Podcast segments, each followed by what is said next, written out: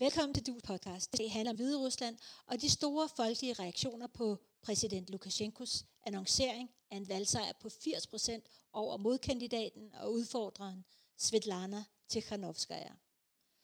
Umiddelbart efter præsidentvalget blev hun også tvunget i eksil i Litauen, hvilket også skabte forår. Med mig her i studiet har jeg som sædvanlig Per Carlsen, som er seniorrådgiver her i det udenrigspolitiske selskab, og tidligere ambassadør i Moskva, Letland og Litauen, og direktør for Dansk Institut for Internationale Studier. Og så har vi Tage Bagmand, sikkerheds- og Tysklands ekspert, og tidligere medarbejder ved P1 Orientering.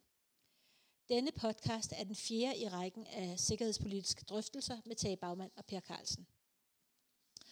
Og Per, øh, jeg kunne godt tænke mig, at du lige opridsede situationen i Hvide Rusland lige nu. Ja, jeg skal nok da være med at gå, gå alle langt tilbage, men, men som du sagde, så blev der afholdt præsidentvalg i Hvide Rusland den øh, 9. august, det vil sige for tre uger siden. Og det er mildst talt ikke det første af den slags, fordi øh, præsident Lukashenko har siddet ved magten i 26 år. Så der er nogle præsidentvalg før, hvor det er gået nogenlunde på samme måde, i hvert fald i optakten. Nemlig at han har sørget for at sætte sine oppositionsmodstandere i fængsel, eller sørge for at jage dem ud af landet. Det, der skete denne her gang, det var, at der var tre kvinder, en af dem gift med en af dem, der var blevet sat fast, og en, som var med i kampagneledelsen, som dannede en opposition, fordi det har været problemet tidligere, at de var meget spredte. Valget, sådan som det blev registreret af Lukashenko, er sådan set på samme måde som alle de andre gange, altså omkring 80, 81, 82 procent til ham. Det tror jeg, man kunne gætte på, øh, på forhånd.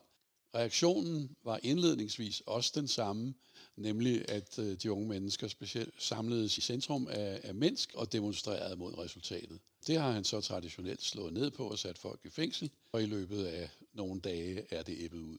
Det gjorde det så ikke her. Demonstrationerne fortsatte, blev større og, og større. Der har været holdt nu tre søndage i træk store demonstrationer, ikke bare i Minsk, men også i de andre store byer.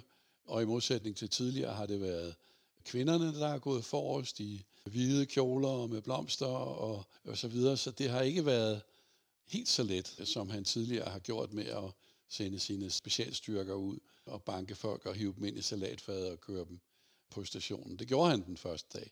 Men det er jo så også blevet forandret i disse tider, fordi det blev jo så filmet og kom ud til alverden. Der blev sågar filmet, og man kunne høre og fængslerne, hvordan øh, folk blev slået på og skreg. Så reaktionen blev altså noget stærkere, først og fremmest øh, i Hvide Rusland selv, blandt den hvide russiske befolkning, som altså i stor mængde gik i demonstration og krævede, at han skulle træde tilbage fra de øh, øh løsne, og, øh, og som krævede, at der kom, det kom til forandringer i Hvide Rusland. Slet ikke som i Ukraine, hvor det var et spørgsmål om, om man ville til Vesten, og man ville væk fra, fra Rusland, men blot at man ville bestemme selv i sit eget land. Og tage, hvem, hvem er aktørerne, som vi har her på banen i, i det hvide russiske scenarie? Jamen altså, i virkeligheden har vi jo alle aktørerne på banen, fordi pressen, i hvert fald nyhedsdækningen, som jeg jo har været en del af i mange år, gør igen den fejl, ligesom at sige, nu fokuserer vi på Hvide Rusland problemet. Men der er jo en kontekst, som er så voldsom stor, at man heller ikke kan rumme det i nyhedsdækningen. Der skal måske podcast som den her til. Hvis man skal sige det meget kort, så vil jeg tage udgangspunkt i det, Per siger om, at oppositionen i Hvide Rusland fastholder, at det her det er et hviderussisk problem. Men oppositionen har også spekuleret i, hvordan reaktionen i Rusland vil være. Fordi Rusland er jo hovedaktøren i virkeligheden i baggrunden her. Og oppositionen har stolet på, at Rusland måske denne gang vil sige, hvis vi bare er sikre på, at vi har en i Minsk, vi kan styre, så behøver det ikke nødvendigvis at være Alexander Lukashenko.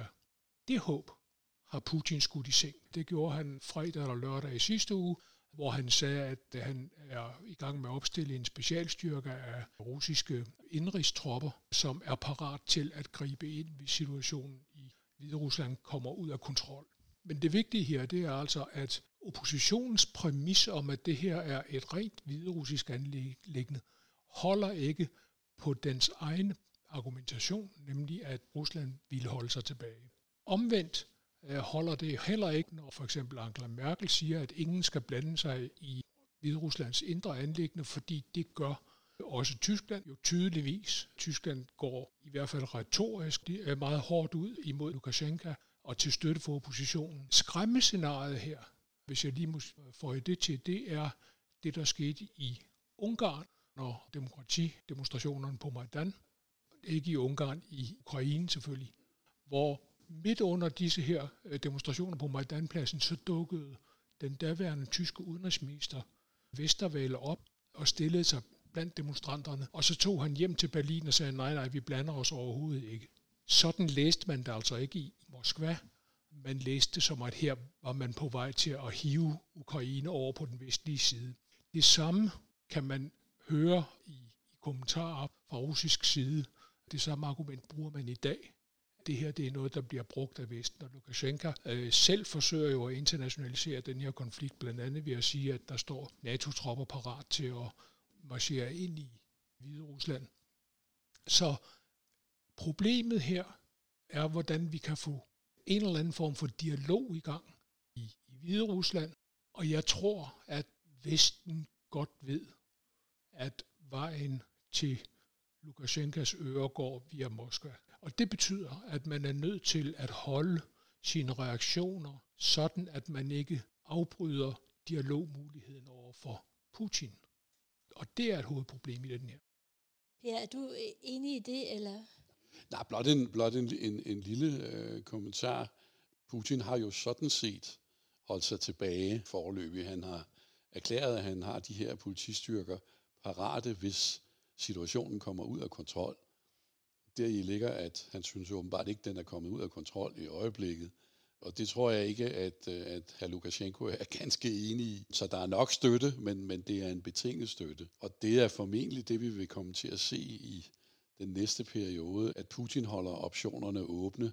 Det kan vi komme tilbage til. Hvordan vil det her udvikle sig i den kommende tid? Nu så vi lige aktørerne uden for Hvide Rusland. Men hvem er aktørerne i Hvide Rusland lige nu? Eller i og uden for Hvide Rusland? Ja, men det er jo de her oppositionelle, som vi i mange år har prøvet at få kontakt til og prøve at forstå, hvad der rører sig. Det er i meget høj grad unge mennesker, som har været ude af Hvide Rusland og se, hvordan verden ser ud.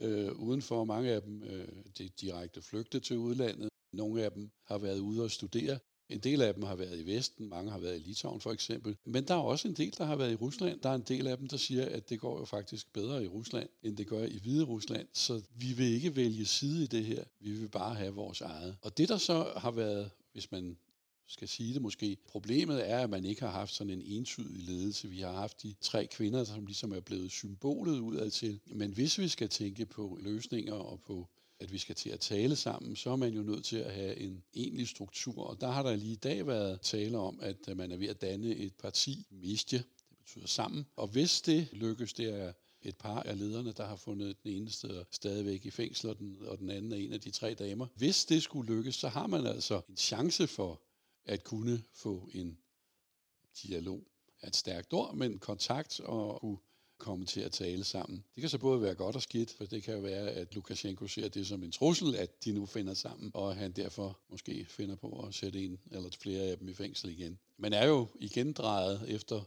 at man i et stykke tid tillod disse fredelige demonstrationer, er man jo igen drejet den, den anden vej og har sat folk fast og øh, har sendt øh, journalister ud og ikke akkrediteret dem øh, yderligere. Så han øh, spiller jo lidt op og ned, den gode Lukashenko, mens han øh, render rundt med sin øh, maskinpistol og ser troen ud. Der er jo et interessant tidssammenfald her, fordi det er rigtigt, som Per siger, i starten der var hans reaktion, eller var styrets reaktion jo noget behersket, og så svingede det. Og det faldt faktisk sammen med, at Putin ligesom signalerede, at han stod bag Lukashenko.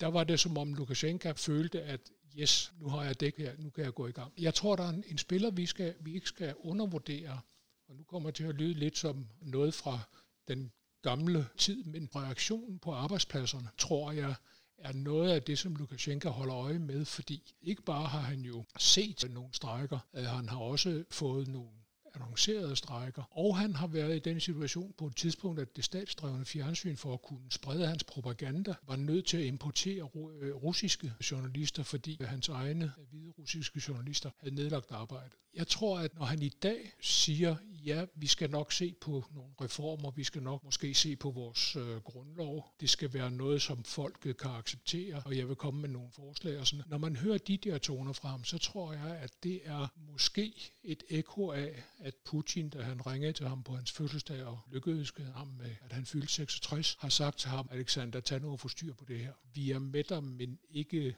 medmindre vi kan se, at du selv er i stand til at gøre et eller andet. Og ren vold, det duer ikke, fordi det vil skærpe alle mulige konflikter, som vi har i forvejen. Så prøv nu at gøre et eller andet. Det er måske i det lys, man kan se det. Den fornemmer oppositionen naturligvis også, og modsvaret her, det er måske netop det nye parti. Ja, for Per, vi har jo set de her strejker over hele øh, Hvide Rusland også. Hvad er det for nogle virksomheder, som er i strejke? Det er nogle af de der rigtig gamle sovjetvirksomheder, som man ikke har i Rusland længere. Nogle af os har besøgt den store virksomhed, som øh, laver traktorer til hele det gamle Øst, men faktisk findes de, findes de andre steder. Kæmpe, kæmpe virksomheder. Det er jo en af de nye ting, at det er lykkedes de unge studerende og så videre at komme ud, ikke bare at komme ud i landet til andre byer, men også at få fat i arbejderne. Og jeg tror, det var en af de ting, som chokerede vores ven Lukashenko, da han stod foran dem og hørte, at de også råbte gå af. Det havde han ikke forventet. Hvordan er det at være arbejder i Hvide Rusland? Altså, hvad er det for en situation, man er i? Altså, hvad er det for nogle arbejdsforhold, man har? Det er faktisk som i, i det gode gamle, og så, så godt var det heller ikke, Sovjetunionen. Det, som uh, Lukashenko har slået på os og vundet måske de første to af sine valg korrekt på. Det stabilitet, det er, at man ved, hvad man har. Man har sit arbejde, der, er ikke, øh, der bliver ikke lavet om på noget, og øh, man får sin faste, ikke høje løn, men man får sin faste løn, og det igen i forhold til for eksempel i Jeltsin-tiden i Rusland, hvor man i måneder ikke fik sin løn, var jo et tegn på stabilitet. Det er bare ikke nok længere. Det kan godt være, at der er nogle hvide russere langt ude på landet, som er glade for deres lille gård og øh, en ko og to grise. Men som sagt, de unge mennesker, de har set, at livet kan leves på en anden måde. Og øh, de unge mennesker er over de her 26 år blevet mange. Så, øh, så det er ikke bare nogle studenter fra Vesten, som kommer tilbage og laver ballade. Der er nogen, der siger, at øh, Hvide Rusland er blevet født som nation i den her proces. Altså, hvad var de så før? ja, men de har jo været øh, uheldige og geografisk øh, ligge steder, hvor de har været dele af noget andet i øh, det meste af deres historie. De har været dele af det polsk-litauiske øh, storrige, og de har været dele af øh, Sovjetunionen, og, øh, og de har ikke haft lange perioder, hvor de kunne dyrke deres egen nationalitet. Men det er jo kommet op. Man er begyndt at dyrke sit sprog, man er begyndt at dyrke sin historie, nøjagtigt som vi har set i de øh, andre gamle sovjetrepublikker, da de for nu 25-30 år siden slap ud af livtaget. Og meget sammenligner man jo for eksempel i dag med, øh, med de baltiske lande og hvad der skete for 30 år siden i Letland og Litauen. En anden sammenligning, jeg så, det var med fløjtsrevolutionen i øh, Tjekoslovakiet, som jo også foregik fuldstændig fredeligt i modsætning til, øh, hvad Lukashenko og venner gerne vil fremstille som et nyt Ukraine. Men hvad er så tag øh, EU, Tysklands, Frankrigs, Danmarks øh, udfordring i forhold til, til hele den her situation? Altså, hvad, hvad er det for en udfordring, vi står med? Du var lidt inde på det i forhold til, at vi skal i hvert fald ikke gøre som Ukraine i den her situation. Altså vi står i hvert fald med to udfordringer. Det ene er bag ved alt det her, hvordan håndterer vi Rusland, fordi det er ligesom nøglen til at komme videre. Og så den nye, kan man sige, udfordring, som er, hvordan får vi skabt europæisk enhed? Fordi der har jo været et uformelt udenrigsministermøde i EU for at finde fodslag omkring Hvide Rusland. Og det lykkedes i virkeligheden ikke. Og som jeg sagde før, det hele det er jo flettet sammen på kryds og tværs. Det lykkedes ikke, fordi Malta og Kypern pludselig satte sig på tværs og sagde, at vi kan ikke øh, gøre noget over for Hvide Rusland, medmindre vi gør noget over for Tyrkiet, fordi de skaber problemer for os. Og den der måde at blokere på i Europa er en af de store udfordringer.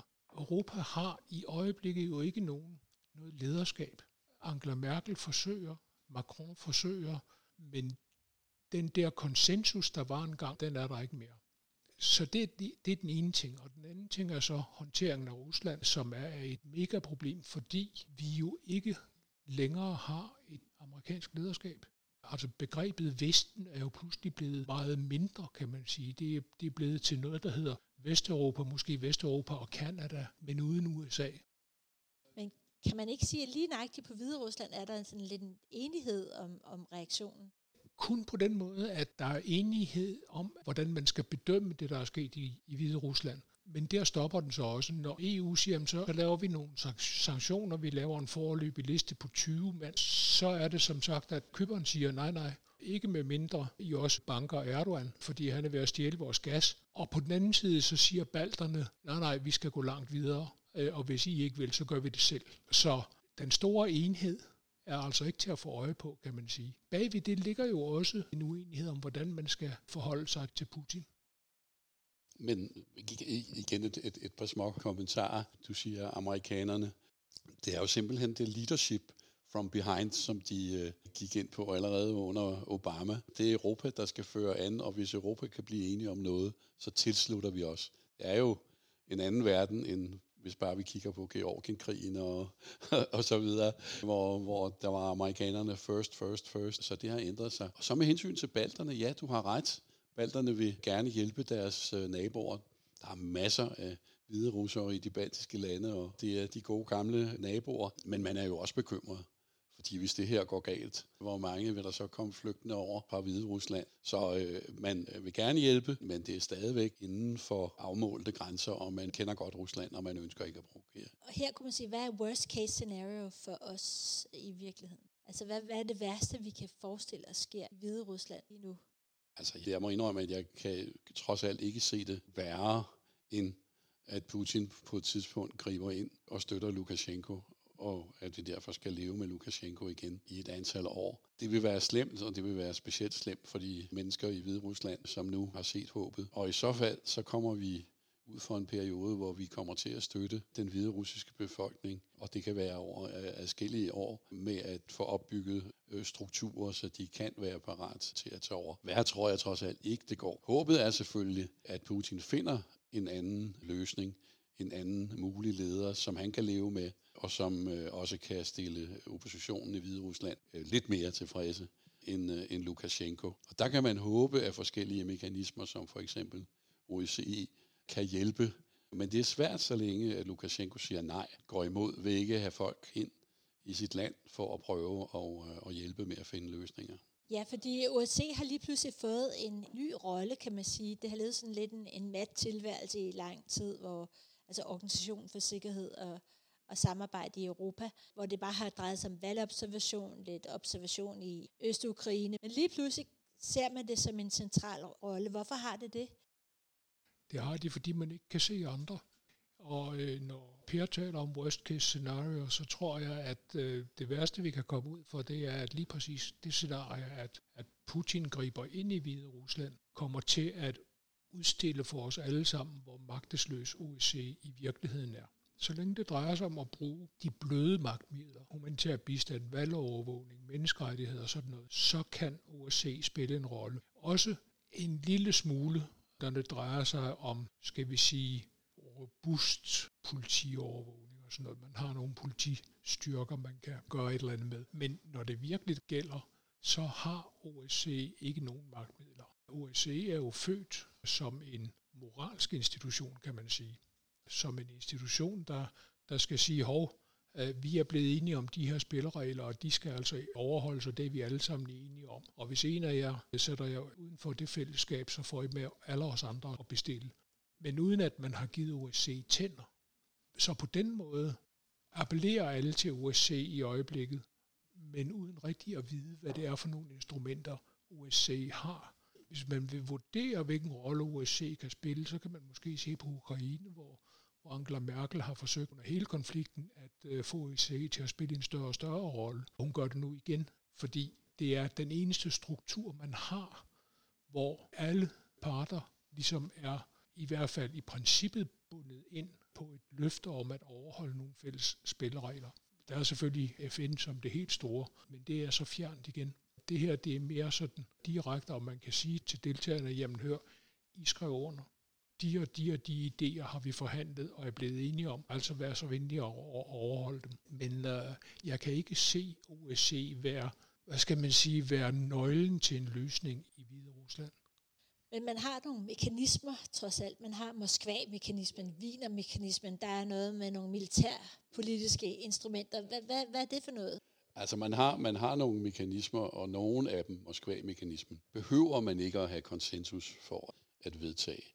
Og det vil sige, at man kunne altså forestille sig, Rusland taler jo meget positivt om OSCE, og siger, at de gerne vil anvende det.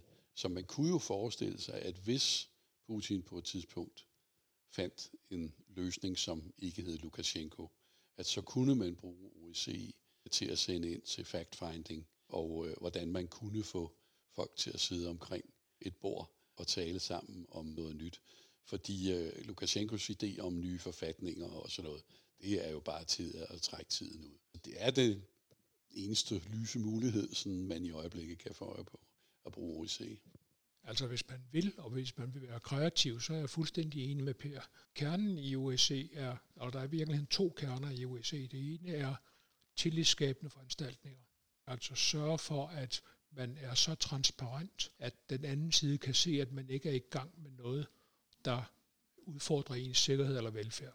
Sikkerhedsskabende foranstaltninger. Og det andet særkende ved OSCE fra dets fødsel som CSC, det er, at man kobler en hel række spørgsmål sammen på tværs, for at se, om de ikke kan støtte hinanden, sådan at man ligesom kan hoppe fra tue til tue for at nå frem til det mål, man gerne vil. Og det viste sig jo at være en god idé, da man startede den her proces tilbage i 72. Og i løbet af tre år fik man så formuleret det, der så blev grundloven, nemlig Helsingfors sluterklæringen, eller Helsinki sluterklæringen. Men netop kendetegnet ved, at man tog noget kulturelt samarbejde og noget økonomisk samarbejde og noget teknologisk samarbejde, og så noget samarbejde om militær sikkerhed, og ligesom koblede det sammen, sådan at det ene cementerede det andet. Og hvis man vil tænke kreativt på de linjer igen, så kan det jo godt være, at man kan komme nogle vejen. Og der kunne, altså hvis vi skal gentage historien, så er der måske en rolle for Danmark, hvis vi har kræfterne til det, fordi dengang var det jo Danmark, der langt hen ad vejen forhandlede den menneskelige dimension, altså menneskerettigheder, menneskelige kontakter og sådan noget, forhandlede det på plads i øh, sluterklæringen.